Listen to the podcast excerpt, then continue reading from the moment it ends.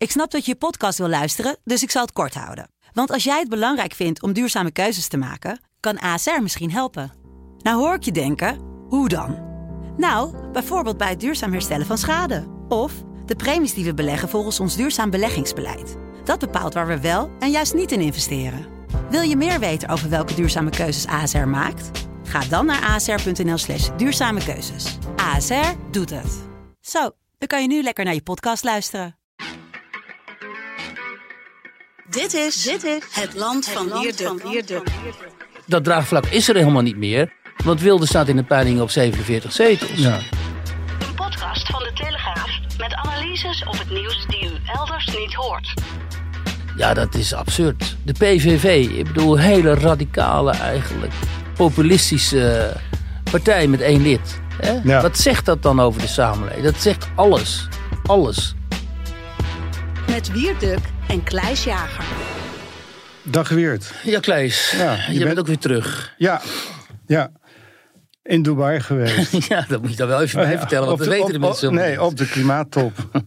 Nou, was Ja. het eh, spannend? Eh, Is er, is er veel besloten daar? nou, er is, er is, er, het was heel erg spannend. Ja. Eh, Er is ook het een en ander besloten. Bijvoorbeeld, eh, daar zul jij blij mee zijn, een, een verdriedubbeling in de wereld dus. eh, Ja. Van wind- en zonne-energie. Jongen, fantastisch. Dus je kunt eh, nog Ja. meer windmolens verwachten. Oh man.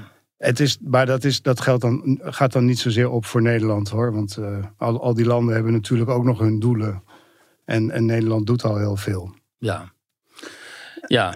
Nou ja, goed. Het is een heel Maar- deprimerend onderwerp. Dus misschien kun je beter op een ander onderwerp overstappen. Nou, wat ik interessant vond. Ik zag gisteren een tweet van je. En je zei files tot voorbij Zwolle. Of gewoon heel erg druk. Dit land is vol, barstensvol. Jazeker is het zo. Het Nederland is overvol. En het viel me weer op toen ik helemaal naar het noorden reed. Vanuit de Randstad. En eh, nou ja, tot voorbij Zwolle sta je zo ongeveer in het file of is heel erg druk. En daarna wordt het, lost het iets op. Ja, Maar ehm, ja, het is natuurlijk eh, super vol in Nederland. Ja. Dat, eh, in vergelijking met allerlei andere landen. In Scandinavië bijvoorbeeld. Of Hongarije. Of Polen. Of Ja. noem maar op. en, en denk je dat zo'n ehm, eh, strenger beleid, dat zo'n asieldeal eh, van de Euro- Europese Unie, dat die daar iets aan gaat veranderen misschien? Nou ja, er is dus een nieuwe eh, Europese asieldeal, migratiedeal. En onder druk natuurlijk van al die rechtspopulisten die overal aan het winnen zijn. Met als meest recente voorbeeld eh, Geert Wilders. Maar vergeet ook niet, in, eh, ook in Duitsland bijvoorbeeld staat de AFD, anti-immigratiepartij... Op eh, meer dan 23 procent inmiddels. Dan zijn ze de tweede partij. Dat is, dat is Ja. on- ongehoord. Dezelfde oorzaken hebben overal dezelfde gevolgen. Ja, precies. Ja. Dus Ja. Dat, eh, dat zie je overal. En de EU is natuurlijk veel en veel, veel te laat geweest om überhaupt te erkennen dat we hier met een probleem zitten. Meestal eh, is het helemaal geen probleem. Ik vind heel veel van die, vooral links-liberale partijen in de Europese Unie hebben al die as- asielzoekers en vluchtelingen nodig om de zogenaamde vergrijzing op te vangen en zo. Wat een flauwekul argument is. Want al die nieuwkomers die worden ook weer grijs en dan moeten weer mensen voor hun zorgen. Dus dat is een totale onzin argument. Eh, mensen als Jan Latte, zo demograaf, of Jan van der Beek, die waarschuwen daar in Nederland na- natuurlijk al heel lang voor. Jan Latte heeft volgens mij onlangs weer berekend dat we binnen de kortste keer op 19 miljoen inwoners zitten. Nou, ik kan me nog herinneren dat we met 12 miljoen mensen waren in Nederland. Dus, eh, en nu zitten we op 17 Hoe oud was je toen? Nou, toen was ik een kind, dus het was ergens jaren 70. Dat eh, lijkt voor heel veel mensen heel lang geleden, maar voor mij helemaal niet.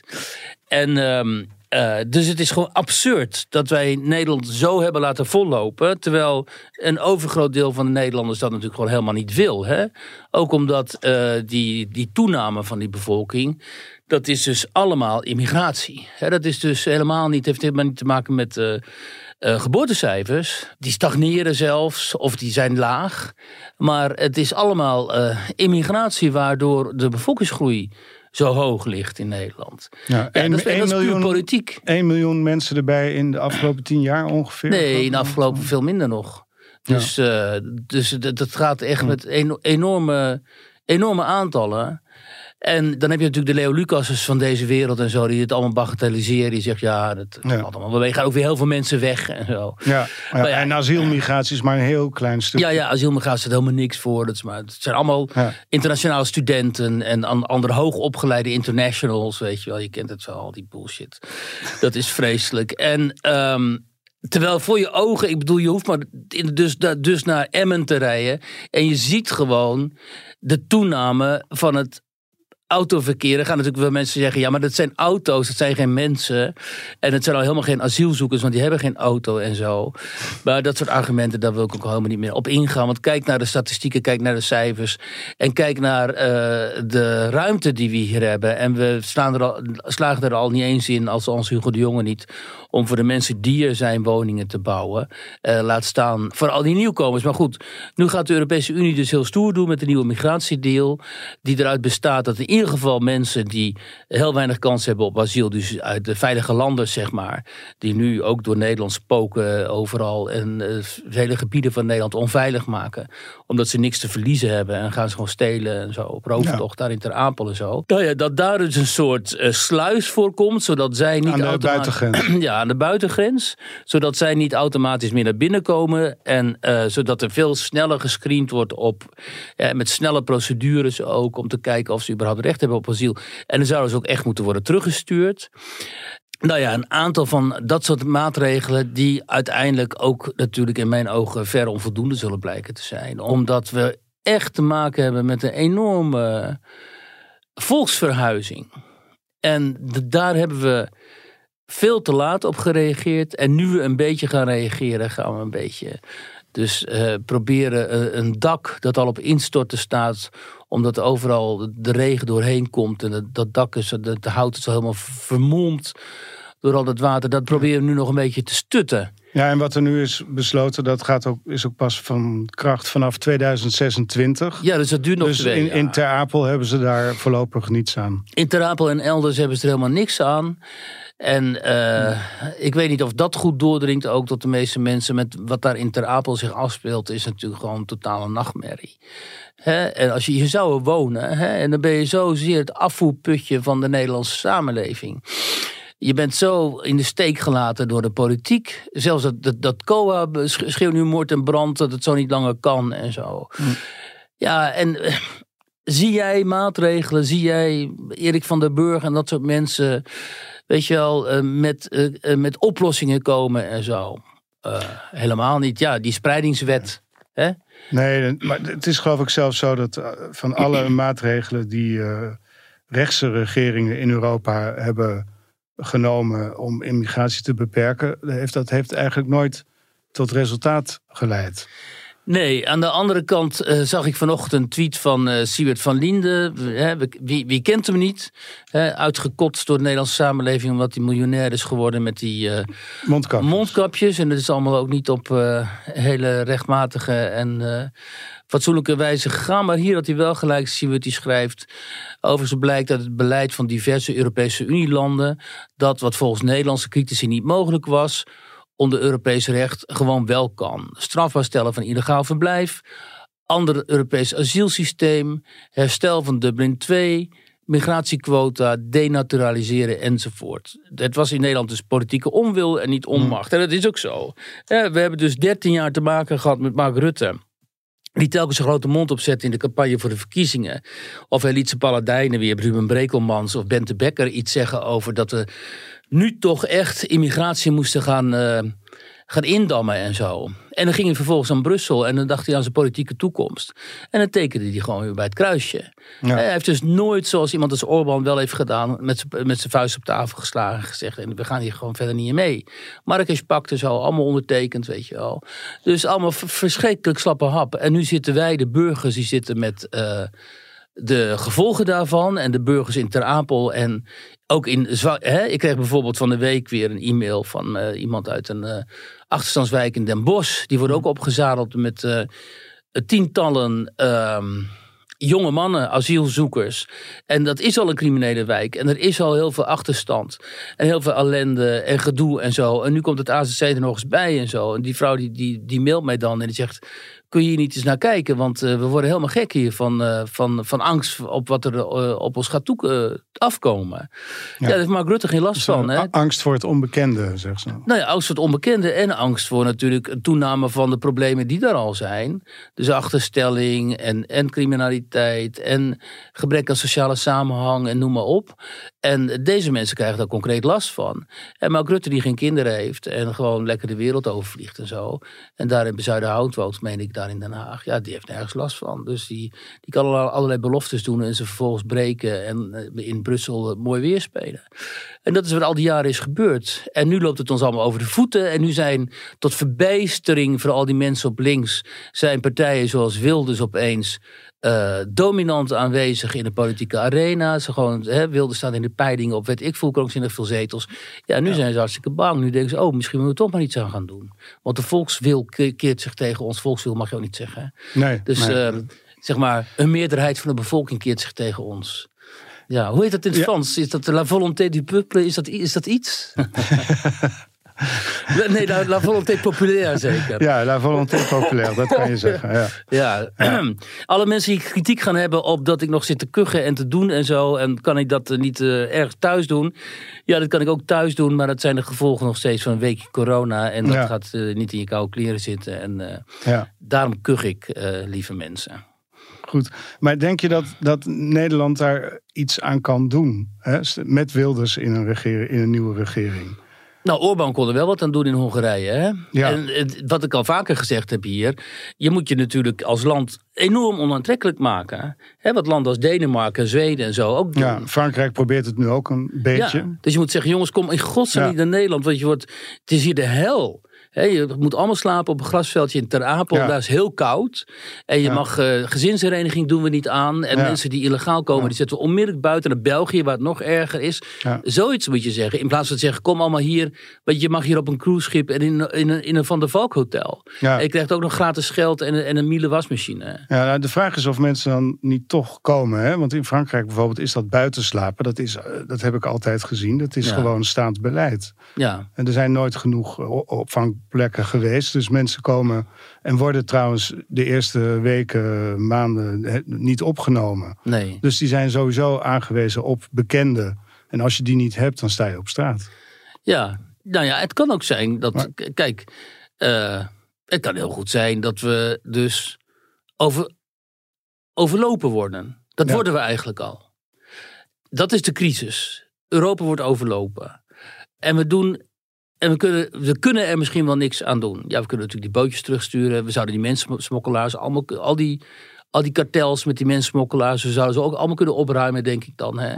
Stuur wat militairen op af en zo. Zorg dat ze niet eh, over, die, over die zeeën komen. Maar goed, die politieke wil is er kennelijk niet. Ja, dan worden we overlopen. Nou, dan zitten we dus. Dan, dan kunnen we er niks aan doen. Of te weinig aan doen. Ja. En dan gaan we, onze kinderen, die gaan er over 10, 15 jaar de afgrijzelijke gevolgen hiervan eh, ondervinden. Dus die, die ga je dan tegen hun ga je dan zeggen als ze tegen volwassenheid lopen, of zijn al volwassen van ga weg uit Europa of ga naar Hongarije, waar heel veel Nederlanders zitten al in Hongarije en die zitten daar niet voor niks. Ja, tot de overwinning van Wilders was de sfeer in de samenleving zo. Als je een reportage schreef zoals ik deed over die Nederlanders in Hongarije. Dan werden die Nederlanders in Hongarije allemaal belachelijk gemaakt. Van nou, stel je Ja. angsthazen. Wat is dat voor flauwekul? eh die- dat is een mythe en zo. En eh, Hongarije is afgrijzelijk en zo. En, ehm, want Orbán is een dictator. En, dan, en, die mensen, en die mensen die dat dan zeggen en die dat denken, die valt niet aan het verstand te brengen wat er nu eigenlijk gaande is. En hoezeer zij daar zelf ook last van zullen gaan krijgen. Als je, als je honderdduizenden jonge mannen in hun gevechtsleeftijd ook nog eens een keer het land binnenhaalt. Die ook nog eens een keer allemaal zich moeten settelen.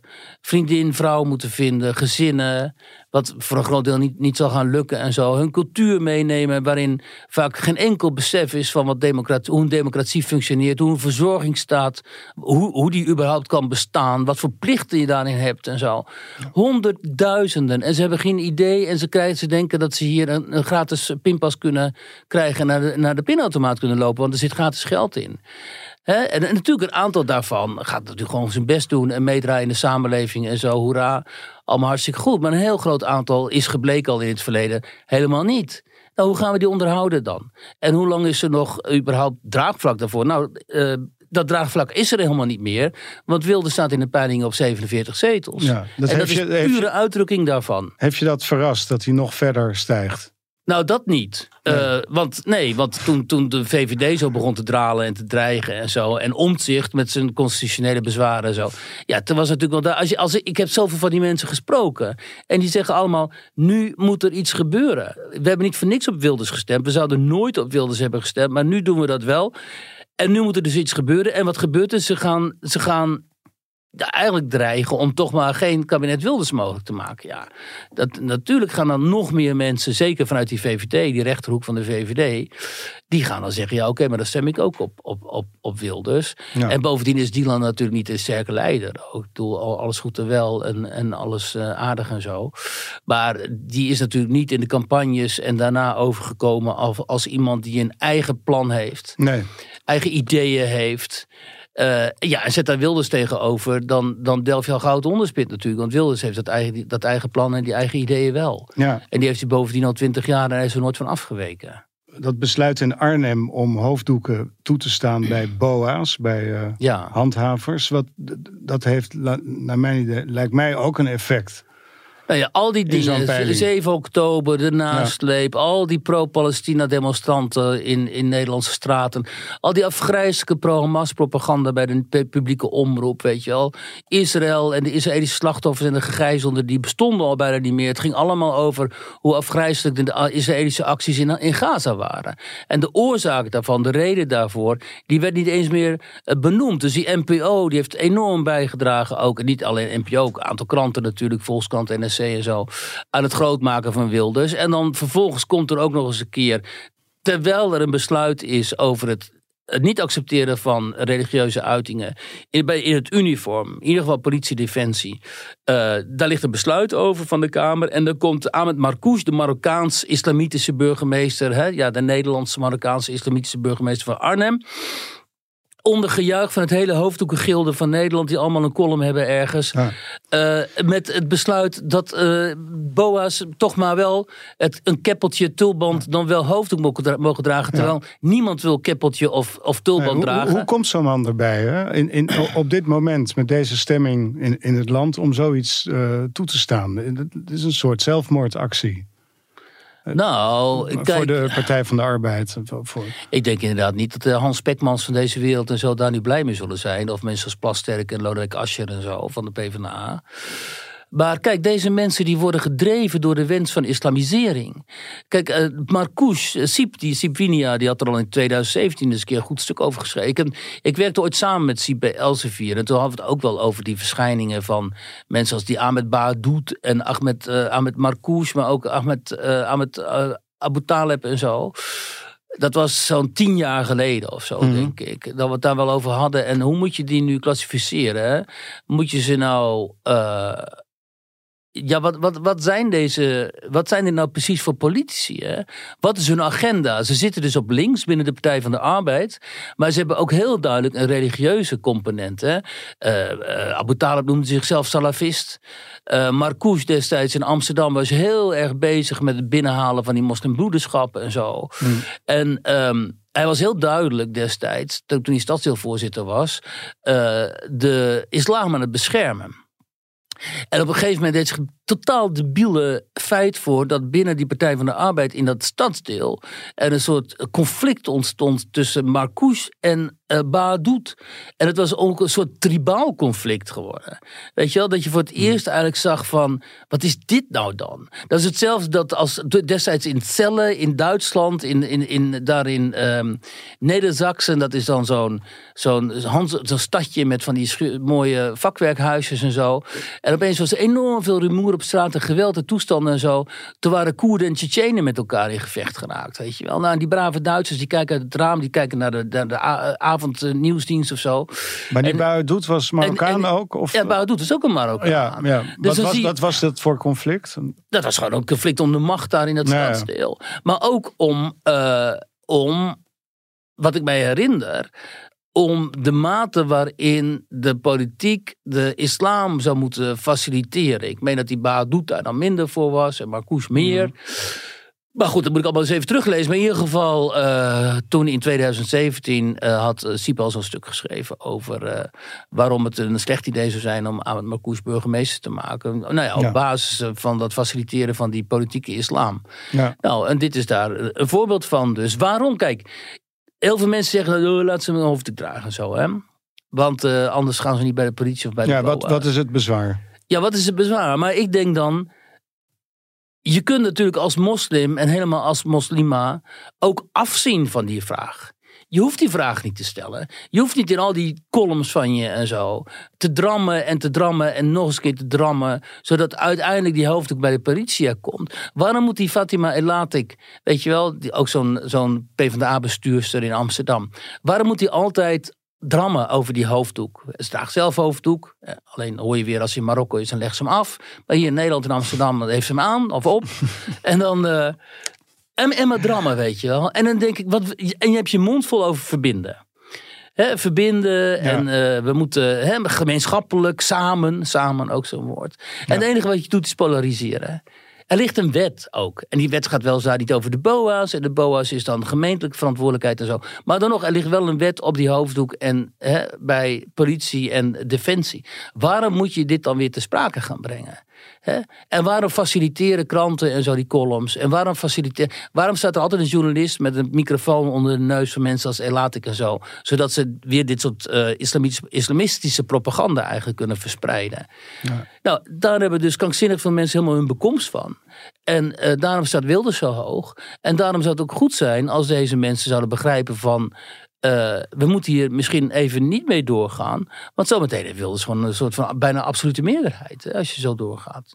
Ja. ja. nou dan ben je echt in de aap gelogeerd. Hij zit niet uh, ver van het. Uh, hij zit daar niet ver vandaan. 47 zetels volgens Ipsos. Ja, 47 zetels. Ja, die 76 gaat hij natuurlijk nooit halen. Maar, nee. Hè, maar, maar dan nog, weet je wel. Ik bedoel, hij zit al op, op, op, op aantallen die de volkspartijen voor de goede orde, dat waren ooit Partij van de Arbeid, CDA en later ook VVD. Vroeger ooit haalden toen Nederland nog een verzuilde samenleving was. Op dat soort aantallen zit hij nu. Ja, dat is absurd. Weet je. De PVV, ik bedoel, hele radicale, eigenlijk uh, populistische partij met één lid. Hè? Ja. Wat zegt dat dan over de samenleving? Dat, dat zegt alles. Alles. En dat, uh, dat, dat, dat dan nog, wat je zoals gisteravond gaan dan Galit en Sophie naar Middelburg voor een of ander verschrikkelijk programma. Ja, heb je het gezien? Nee, ja, maar ja. ja, ik heb het gelezen. Het was allemaal helemaal niks. Het was saai.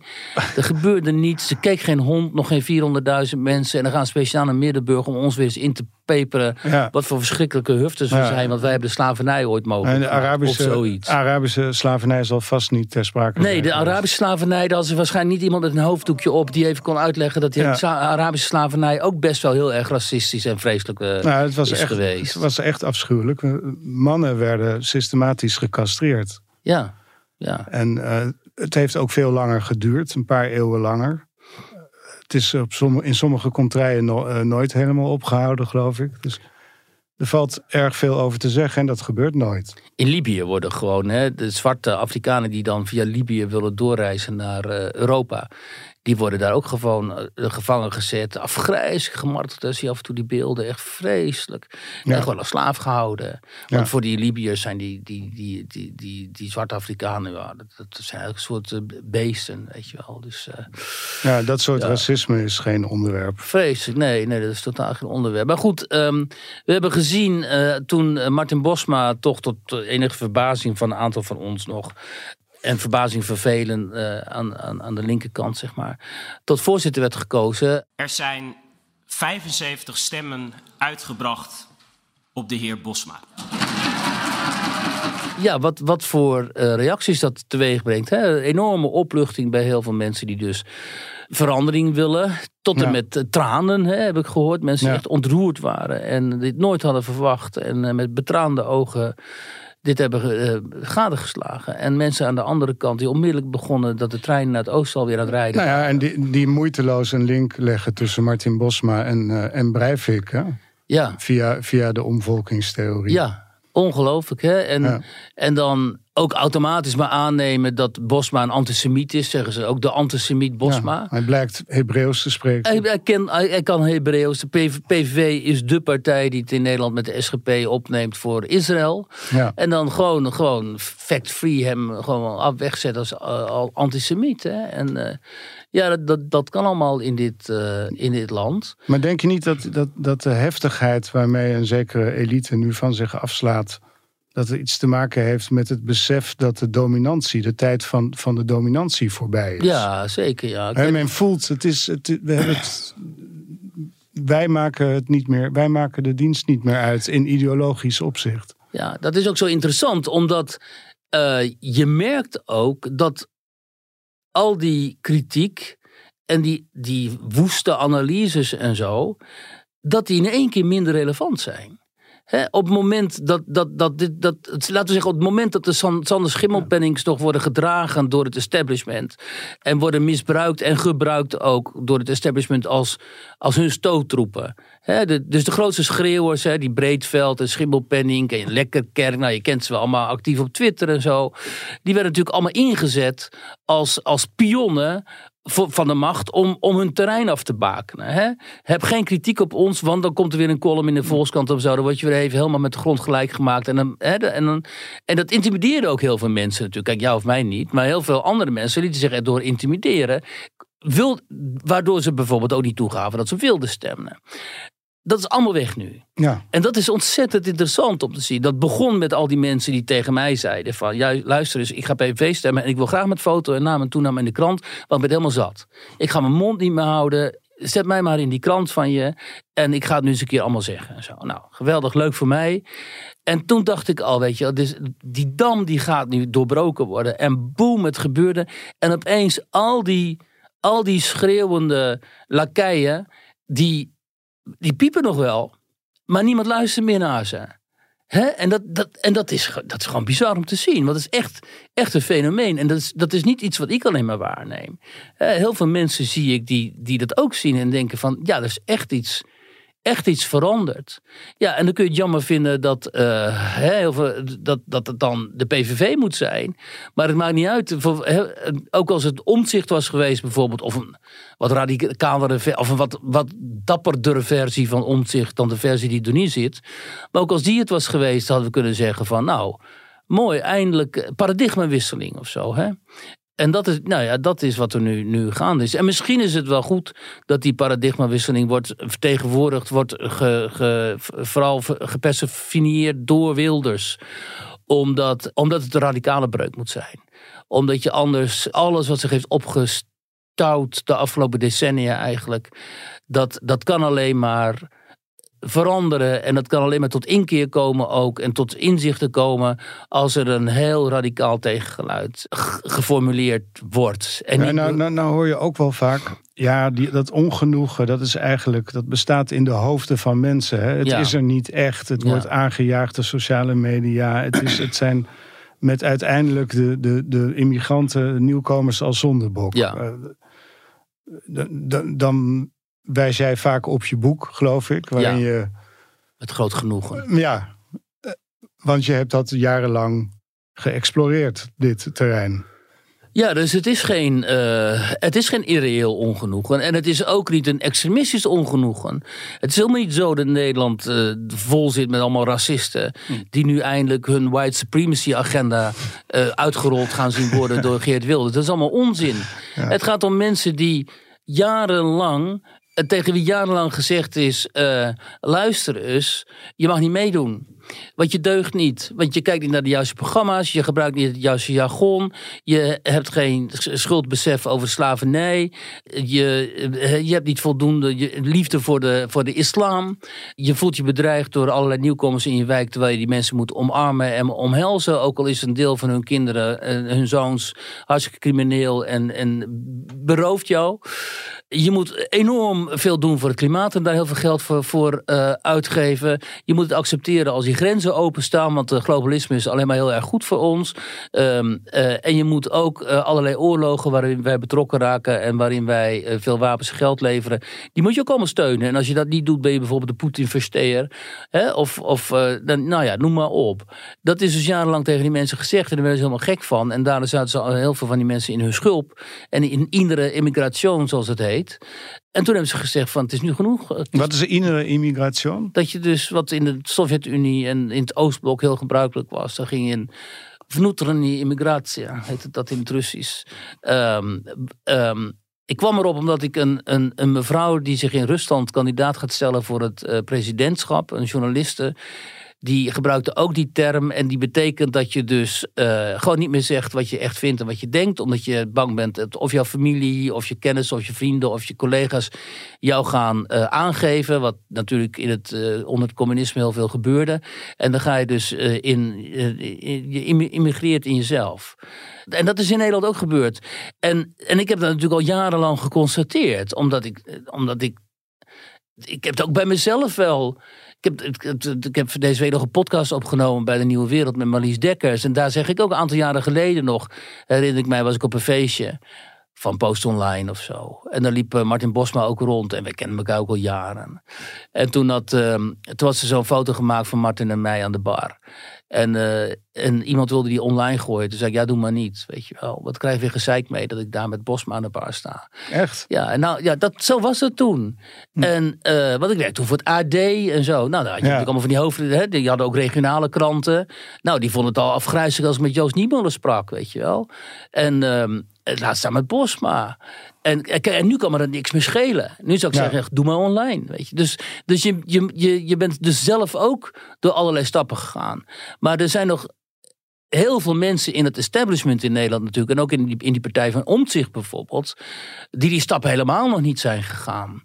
Um, dus je hebt aan de ene kant al die, nu die, al die enorm verontwaardigde mensen op links... die maar niet beseffen wat er de laatste decennia zeg maar, in Nederland uh, aan, uh, aan in de opinievorming is, is misgegaan en wat zij daar zelf aan bij hebben gedragen die met verbijstering kijken naar, naar die overwinning van Wilders. En dan heb je daartegen aanscheukend nog een deel van het burgerdom, van de burgerij, wat zich heeft verzameld voor een groot deel volgens mij in die partij NSC van Omtzigt, die weliswaar niet links zijn en een beetje uit CDA komen en zo, en dat soort, dat soort keurige middenpartijen, maar voor wie het ook een gruwel is dat, dat, dat ze eventueel met Wilders zouden moeten gaan samenwerken. Omdat er zitten allemaal zo die besmetting van, van zo'n partij als PVV. En, helemaal al Forum van Democratie natuurlijk. En deze Baudet ook over zichzelf afgeroepen voor een groot deel. Die, die, die kringen zijn zo besmet geraakt de afgelopen jaren. Dat, het, uh, dat je al heel weinig smetvrees moet hebben om daar überhaupt uh, bijna mee te praten. Ik bedoel, die totaal, uh, uh, zeg maar, een, niet naïeve, maar de open houding van Caroline van der Plas bijvoorbeeld. Hè, die vanaf het begin heeft gezegd, jongens, uh, maakt mij niet uit. En die hebben, hè, Lilian Helder heeft ze bij die partij gehad, uit de PVV mm. en zo. Die is heel zeldzaam. Daarom is Caroline zo leuk. Want die heeft eigenlijk helemaal geen, die heeft nauwelijks vooroordelen tegen mensen. Zo. Die gaat, bij, hen, bij, hem, bij haar gaat er altijd om, voor zover ik haar ken dan. Ja, wat heb je nou eigenlijk te vertellen? Heb je een goed verhaal? Nou, dan ben je welkom en zo. Ja, maar kennelijk moet Wilders heel vaak zeggen dat wat er ongrondwettelijk is in zijn programma, dat hij dat niet gaat doen. Het is natuurlijk ook wel vreemd hè, dat dat zo gaat. Ja, omdat, uh, kijk, wat er ongrondwettelijk is in zijn programma, er zijn in andere partijprogramma's ook ongrondwettelijk. Nou ja, moskeeën sluiten, Koran verbieden. Ja, waarvan iedereen weet dat gaat nooit gebeuren. Helemaal nooit. Er is nooit een meerderheid voor te vinden. En als jij vindt dat de islam niet alleen maar een godsdienst is, maar vooral ook een ideologie. En het is maar de vraag of dat niet deels ook waar is. Ja. Nou, dat is niet eens een vraag. De islam is voor een deel ook een politieke ideologie. Dan mag je er ook voor pleiten om bepaalde moskeeën waarin die politieke islam gepredikt wordt, om die te sluiten. En ik bedoel, eh, volgens mij worden gewoon haatmoskeeën, zoals die dan heten, worden ook al gesloten. Dus ik zie daar, ik zie daar helemaal niet zo'n probleem in. Kijk, een boek gaan, uh, uh, een heilig boek gaan verbieden, ja, dat slaat natuurlijk helemaal nergens op. En dat is ook gewoon een provo pure provocatie natuurlijk. En, maar ja, en islamitische school is ook maar de vraag. Kijk, die, die islamitische scholen die zeggen altijd, ja, we doen het eigenlijk heel goed, hè. Onze leerlingen halen goede cijfers en zo. maar wil jij in een samenleving waarin kinderen vanaf hun allervroegste jeugd worden opgevoed en opgeleid eh, binnen de islam. En helemaal niet in aanraking komen met wat hier de dominante cultuur is. Nee, helemaal dat- niet of nauwelijks. Dat is toch gewoon hartstikke slecht. Dat is heel erg slecht, maar we hebben vrijheid van onderwijs. Ja, maar het is toch niet, helemaal helemaal niet slecht als je zegt, laten we daar eens naar gaan kijken dan. En het is in mijn ogen zelf, zover ben ik inmiddels wel, ook helemaal niet slecht om te zeggen, ja, we hebben die vrijheid van onderwijs. En christelijk onderwijs, dat hoort al heel erg lang bij deze samenleving. Islamitisch onderwijs niet. We moeten toch eens gaan kijken, goed kijken naar de aard van islamitisch onderwijs. En ons afvragen of dat nou wel zo'n verstandig idee is om islamitisch onderwijs eh, toe te staan. Ja, ik weet het, dat is eh, volstrekt eh, tegen het cerebeen van. alle, alle fundamentele democraten en zo. Maar ja, we, we hebben ook te maken nu eenmaal met een ehm, religie hier en die tevens politieke ideologie is, hebben we net geconstateerd. Die heel veel ellende heeft veroorzaakt in Europese landen. En die voor een deel heeft bijgedragen aan het ondermijnen van onze democratieën. En ik vind dat je daar vragen over mag stellen. die je misschien niet meer hoeft te, te stellen over bijvoorbeeld christelijk on- bijzonder onderwijs. Ja, Kug. nou, ja. ja, het lijkt mij heel erg lastig, maar eh, goed, op zijn minst een debat daarover. Ja, houd er in ieder geval een fatsoenlijk debat over. En zeg niet dat iedereen die daarover begint. al per definitie islamofoob en een xenofoob en een islamhater eh, is. Helemaal niet. En laat dan eh, moslims die zich mengen in dit debat. maar eens goed uitleggen welk deel dan precies religie is. Hè? En, en, en privé-eigendom. En welk deel dan precies eh, ideologie is. En als jij pleit voor die hoofddoek bij de politie bijvoorbeeld. dan bedrijf je al ideologie. Heel simpel. Dan bedrijf je al politiek. En dan wil je jouw religieuze opvattingen politiseren. door de samenleving te dwingen tot iets waarvan wij in, een, in qua scheiding van kerk en staat. waar wij gewoon op, met een democratische meerderheid over hebben besloten dat we dat niet willen. En als je dan toch gaat drammen in je columns en voor de tv Ja. en op de radio en zo. Dan bedrijf je gewoon van, politiek. ja, onder het mom van eh, jezelf kunnen zijn. Onder het mom van jezelf kunnen zijn, bla Ja. bla. Alsof SGP'ers eh, lopen te drammen dat die politieagenten allemaal een lange jurk aan moeten en, een- en, een en een, eh, hoe heet dat, een hoedje op. Ja, Doen ze toch ook niet? Nee. Nou, waarom, dan, waarom moslims dan wel? Hè? Ja. En, dan, en als je daar dan kritiek op hebt, dan mag je best geen religiekritiek meer bedrijven. Nee, nee, oh, nee, dat kan niet. Dan moet je, ja, dat is vreselijk. Dan ben je islamofoob. Ja. Weet je? Nou, en het is heel fijn dat dat, denk ik, voor een heel groot deel doorbroken is. Die preutsheid, die smetvrees. Als we daar eens van af zouden stappen en we zouden eens eerlijk met elkaar in gesprek gaan, ook met eh, de islamitische woordvoerders, dan heb je al in ieder geval een hele andere kwaliteit van, eh, van het debat. Ja, nou, Kleis, eh, even hoor, tussenvraag. Noem jij eens een aantal interessante Franse denkers die zich over de huidige tijd hebben gebogen en, daar, en de oorzaken van die onvrede hebben benoemd? En Finkelkraut, eh, die valt af, want die heb ik al benoemd. ja, nou ja, je hebt Pascal Bruckner. Die heeft heel erg Precies. lang, al, al meer dan twintig jaar eh, geleden waarschuwde die voor eh, wat er op ons af zou komen met, met woke bijvoorbeeld. Je hebt er veel. Je hebt een aantal van die Ja. mensen geïn- geïnterviewd ook in het verleden. Ja, Tot en met Zemmour, meen ik, of niet? Erik Zemmour. E- Erik Zemmour ook, ja. Dat Ja. was net voordat hij een beetje een, een al te behoorlijk wilde kant op ging. Eh, maar hij is daarna ook eh, eh, echt eh, de politiek ingegaan, presidentskandidaat geworden. ja. Van ultra-rechts, hè? Ja, ultra-rechts, ultra-rechts. Ja, Jij vindt hem niet zo rechts. nou ja, eh, de- eh, hij, wilde zich onderscheiden van het VVD-rechts, hè, wat je Ja. in Frankrijk ook hebt. Van, Maar het, ook van Le Pen van, van het rechts van de notabelen. Ja, ja. En, ehm, eh, en, en ook van Le Pen, die, die op dat moment een, een, een, een meer een middenkoers ging varen, omdat ze dachten op die manier meer kans te maken. ja. Maar zijn avontuur is uiteindelijk eh, beperkt gebleven. Ik geloof dat hij eh, tot, tot 7 procent Ja, of zo. ja. Zo'n soort Ja. score. ja. Maar het potentieel is enorm. En in Frankrijk zie je dat, dat het, eh, de komende Europese verkiezingen in juni, die gaan ons heel veel duidelijk maken, lijkt mij. Ja, hier natuurlijk ook. dat en wordt, op meer, dat wordt, ik geloof dat Le Pen, dus de partij van Le Pen, want de lijsttrekker is Jordan Bardella. Oh ja. Eh, nou, die, die, die, die staat nu op, geloof ik, meer dan 30 procent. En, en Macron de, de, kandidaat van Macron staat, daar, staat op 20, geloof ik. Ja, Dus het gaat allemaal in heel erg veel landen gaat het dezelfde kant op. ja. Kan ook bijna niet anders. Hè. Nee, ik vroeg dit omdat eh, ik had van de week ehm, getweet over eh, denkers, boeken, auteurs over deze tijd. Weet je wel, Douglas Murray en, eh, en ehm, eh, anderen. Die, eh, en toen kwam het verwijt van Jan, oh nee, Jan Kuitenbrouwer. Die, die meldde toen van dat er niet één rechtse denker was die iets verstandigs had gezegd over de ontwikkelingen die wij nu ook hier in Nederland waarnemen. Dus ik dacht even aan, eh, en toen noemde ik wel, Vi- ja, nou ja, het zijn, het zijn wel vaak en mensen die, die van links komen. Dat is zo, ja. Dat is vaak zo. Ja. Die zijn teleurgesteld geraakt eh, in links, omdat links de eigen seculiere waarden te grabbel heeft Ja. gegooid. En, en dat, ja, dat leidt er natuurlijk toe dat die mensen eh, zich verwijderen van, van, van waar ze vandaan Ja, komen. met name in de Amerikaanse wereld ook. Hè. Als, je dan, eh, als je dan ziet welke auteurs dan inderdaad over de deplorables eh, zinnige boeken schrijven en zo. Dat zijn dan wel regelmatig een beetje types eh, Ewald Engelen in Nederland, die natuurlijk ook voor links komt en dan Ja, goede boeken schrijft over, over de onvrede Ja. bij, de, bij de boeren en de buitenlui. ja, In Duitsland dan die Sarrazin, weet je wel, die. Sarrazin. Ja. Dus, eh, en Wagenknecht. En Sarah Wagenknecht natuurlijk hartstikke links. En heeft waarschijnlijk Ja. een van de beste analyses van deze tijd eh, ge- geschreven. Het, het is niet zo gek, denk ik. Want eh, bij links was dat altijd in heel goede handen. Het waken over, over seculiere waarden. ehm, en en het, de nadruk op, op het burgerschap. Dat, je, dat, de, dat de staat jou in, stelt, sta- jou in staat stelt om je te emanciperen zonder die groepsdwang die van religie uit kan gaan. Ja, En dat is allemaal weg. ja dat, dat, dat is zo.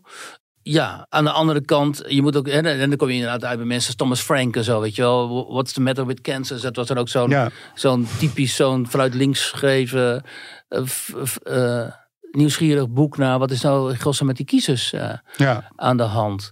Eh, aan de andere kant heb je in, binnen conservatieve beweging het ook, hè, met mensen als Scruton en zo, of Nederland, in Nederland de kindergingen en zo. Die hebben natuurlijk ook wel voor allerlei ja. zinvol. Nou, en in Frankrijk heb je François Xavier Bellamy. Ja, Bellamy, geweldig eh, interessante vent Heel erg, heel Ja, erg. eh, nou, ja. Volgens mij, eh, voor zover ik dat kan beoordelen hoor, maar volgens mij een van de beste eh, Europarlementariërs. Ja. Ik was zijn naam vergeten, want eh, ja, nu lijkt het een beetje op onder, onder onsje tussen ons. Maar ik zocht dus inderdaad zijn naam, want ik heb hem een aantal keren meegemaakt bij conferenties in Frankrijk.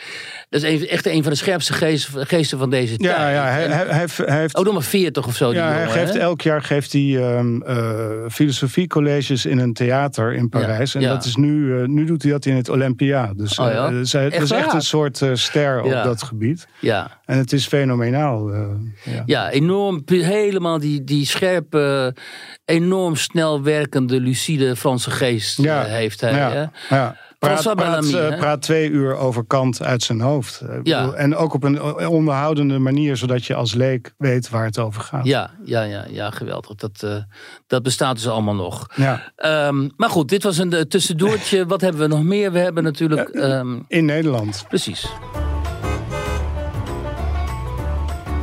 Waar was Wiert? Ja, nou, dat was dan de, de, jing- de jingle. En ehm, Nou, in Nederland komt uit Leiden. Eh, ja. En je was, je was eh, bij Joodse studenten die eh, zich daar bedreigd voelen. Klopt. Want in Leiden, op de Universiteit Leiden, speelt eigenlijk al heel lang, al jaren, speelt het gevoel onder Joodse en Israëlische studenten dat daar.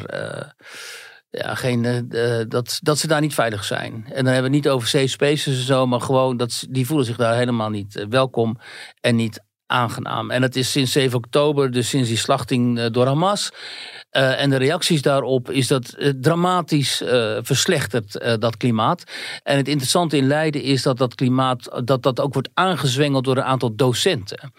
Dus je hebt daar natuurlijk hè, Arabische of islamitische studenten en zo, die gaan dan met zo'n uh, de Palestijnse sociaal, die gaan dan buiten de collegezaal staan. En die gaan dan heel hard roepen dat Palestine will be free en zo. Maar er zitten ook een paar docenten en Midden-Oosten studies en zo, die daar dus mee sympathiseren, bijvoorbeeld met Students for Palestine. En het Students for Palestine is een heel ziek groepje, die hadden een flyer verspreid waarin werd opgeroepen om het Palestijnse verzet, dat zo glorieus, zich van zijn glorieuze kant te laten zien. Dat is dus Hamas ja, op 7 oktober. Uh, om die te steunen tegen de Zionistische kolonisator. Nou, dat is dan Israël. Ja, en er zal vast wel tegen opgetreden zijn. Nou, er werd dus helemaal niet tegen opgetreden. Die mochten gewoon hun, hun gang gaan. Er liep wel wat beveiliging rond. En er liepen ook wat mensen dus vanuit de andere hoek rond om dat te filmen en zo. Maar uh, in principe uh, gingen die dus gewoon hun gang. En werden ze dus gesteund door een aantal docenten die ook daarbij aanwezig waren. Bij die zogenaamde teach-in. Maar uh, als je dan gaat kijken naar de sociale media activiteiten van bijvoorbeeld één vent, die heet Christian Henderson. En dat is zo ziek als je ziet wat hij allemaal post op, op Twitter. Dat is een docent. Dat is een docent. Wat geeft hij? Ja, die geeft dus in, iets van de, de hij is politicoloog, meen ik, bij Midden-Oosten studies. En dan geeft hij ja, natuurlijk allerlei colleges over, weet ik veel, over de economie van Hamas of zo. Je kent het wel, dat soort uh, FOP-studies. En, um, uh, hè, en, en, en, een ander, de, andere vent, uh, Sia Engler heet hij, meen ik die ik een e-mail schreef, want ik wilde wederhoor. En toen kreeg ik e-mail terug dat hij tot 24, jaar, 24 januari op uh, onderzoeksreis was. je kent het wel. Dus hij las nu zijn mails niet. wetenschappelijke activiteit. Ja, wetenschappelijke activiteit in Gaza waarschijnlijk. Hè? En van die vent bestaat dus beeld dat hij een paar jaar geleden meeliep in zo'n pro-Palestina demonstratie. Waarin hij dus in het Arabisch gewoon schreeuwt um, dat er uh, Qassam-raketten op Tel Aviv moeten worden afgeschoten. Ja, maar hoe komen die? Het is toch, hoe bestaat het dat dat daar voor een collegezaal staat? Nou, dat vragen die Joodse studenten zich dus ook af. Hè? Want, um, want met name die Henderson dan ook op Twitter. Ja, die is zo anti-Israël en zo pro-Hamas. Dat je als Joodse Israël-student natuurlijk totaal onveilig voelt bij die vent. Ik bedoel, hoe moet zo'n vent jou eerlijk gaan ja, dat, terwijl daar de hele, gaan geven? Daar ging het de hele tijd over. Hè? Dat je je veilig moest voelen. Dat was heel belangrijk. Maar, Precies. maar dat, telt dus niet voor, dat gaat dus niet op voor Joodse studenten. Nou, Kennelijk niet. En die hebben dit dus aanhangig gemaakt bij het college van bestuur. En dan kregen we allemaal reacties. Ik heb ook wel uitgebreide uh, reacties gekregen van die universiteit. Waarin het college van bestuur natuurlijk zegt van ja, we doen er alles aan zodat iedereen zich hier veilig voelt. We gaan heel erg die dialoog aanjagen. Maar ja, er bestaat ook zoiets als vrijheid van meningsuiting. Dus binnen onze gedragsregels moeten docenten ja. mogen zeggen wat ze willen en zo. Nou, dat doet een beetje denken aan het verweer van die mevrouw van Harvard. Hè? Van, uh, ja, precies. We, we, we, staan hier robuuste vrijheid van meningsuiting toe. Ja. Terwijl uh, in de periode daarvoor was alles uh, goed om iemand te cancelen. Of, uh, Als je op, in de periode daarvoor iemand misgenderde, dan mocht je al ja. je, je, spullen pakken en wegwezen. Ja, ja, ze speurden naar racisme in punten en komma's. En, maar nu het echt, het monster voor hun neus staat. Voor hun neus staat, zijn ze niet thuis. Het nee, is... nu is het opeens, oh nee, maar uh, welkom. welkom in dit land. En uh, waar je, als je daar dus mee bezig gaat houden als journalist, dan zie je dus hoe die academische wereld voor een groot deel uh, gewoon totaal ontspoord is. Ja. Daar zitten dus hele activistische, extreem linkse jodenhaters gewoon ja. op posities. Hè? En die, die, en die ik, ik, ik, ik, heb, ik, kreeg nog een mail onder ogen, dat heb ik niet kunnen gebruiken voor mijn artikel. Waarin een jongen uh, zegt van uh, een Braziliaans-Joodse jongen die ook in Leiden studeert. En die zegt gewoon, je wordt ook gewoon voorgelogen. Er is gewoon een docent daar die zegt dat Ara Arabische burgers in Israël geen stemrecht hebben bijvoorbeeld. Zegt gewoon ijskoud. En die hele collegezaal die neemt het dan van zoete koek aan. Terwijl ja. Arabische burgers in, eh, in Israël kunnen gewoon op Arabische partijen ja. stemmen als ze dat willen. Hè? Er is een, zit Ara Ara Arabische Israëli is, zit daarin gewoon als hoge rechter. Hè? Er zijn Arabische partijen die, uh, uh, die in, in de Knesset zitten. Dus dat is gewoon een leugen. Ja. Nou, en, en dat kan ik me heel goed voorstellen. En dat was eigenlijk een beetje de aanleiding tot dit verhaal. Want dit, dit speelt al jaren, maar nu nog veel erger dus. En een paar van die Joodse studenten die hebben gezegd... weet je wat, we geven de... Die zijn gestopt. Zijn gewoon gestopt, ja. ja. Ik ga in, zo, in zo'n omgeving wil ik niet studeren. En wat gaan ze doen? Gaan naar een andere universiteit? Nou, een of... van die jongens die is gewoon gaan werken. Ja. En uh, die, die beraadt zich nog op wat hij gaat doen en zo. En misschien ja. andere, andere studies die minder dan... Ideologisch uh, ja. uh, kwetsbaar zijn... Meer technische studies of zo. Ja. Maar ja, je zou inderdaad maar Joodse student zijn op dit moment. En in zo'n eh, zo'n omgeving moeten studeren terwijl je familie hebt in Israël. Hè? Een van die jongens met wie ik sprak, die heeft gewoon familie in Tel Aviv. En dan ziet hij dus zijn docent op straat roepen om eh, bommen op Tel Aviv te gaan gooien. Dus op zijn familie. Ja. Weet je wel? Ja. En een andere jongen die had familie daar in die Gaza, die strook bij Gaza, in die, in die kibbutzim die zijn aangevallen en zo. Maar, en, en dat is misschien nog wel het ergste. Er is geen enkele empathie. Helemaal Nee. niets. Ik zag een filmpje van die moeder van dat meisje dat ehm, werd meegenomen met die doorgesneden Achillespees. Hè? Ja. Helemaal met die bebloede broek, weet je Ja. wel. Die was verkracht, die Ja, was eh, dat ze werd uitgejouwd.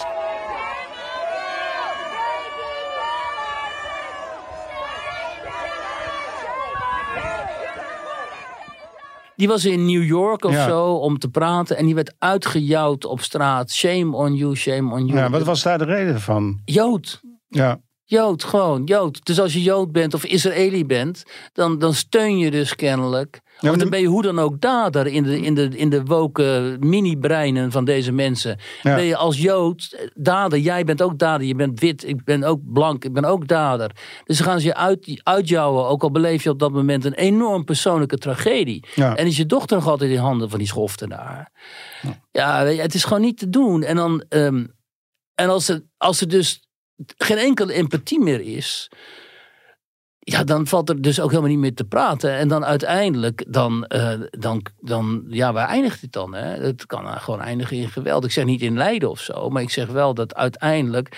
En dat zegt een van de jongens ook die ik sprak. Luisteren, zegt hij, het ging niet alleen maar om de, om de leus... eh Palestine will be free en zo. Maar de leus van internationaliseer de intifada.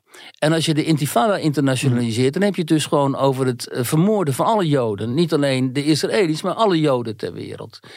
Nou, en dat wordt dan op onze universiteit geroepen, zegt hij. Hè? ja, Dat, dat kan op een gegeven moment alleen maar misgaan, zou je denken. ja. Nou ja, ja. Maar heb je enig idee wat, wat- hoe, hoe zoiets eh, verder gaat? Nou, de, de, de voorzitter van het college van bestuur, die werd daar ook naar gevraagd in een interview op de website van de universiteit.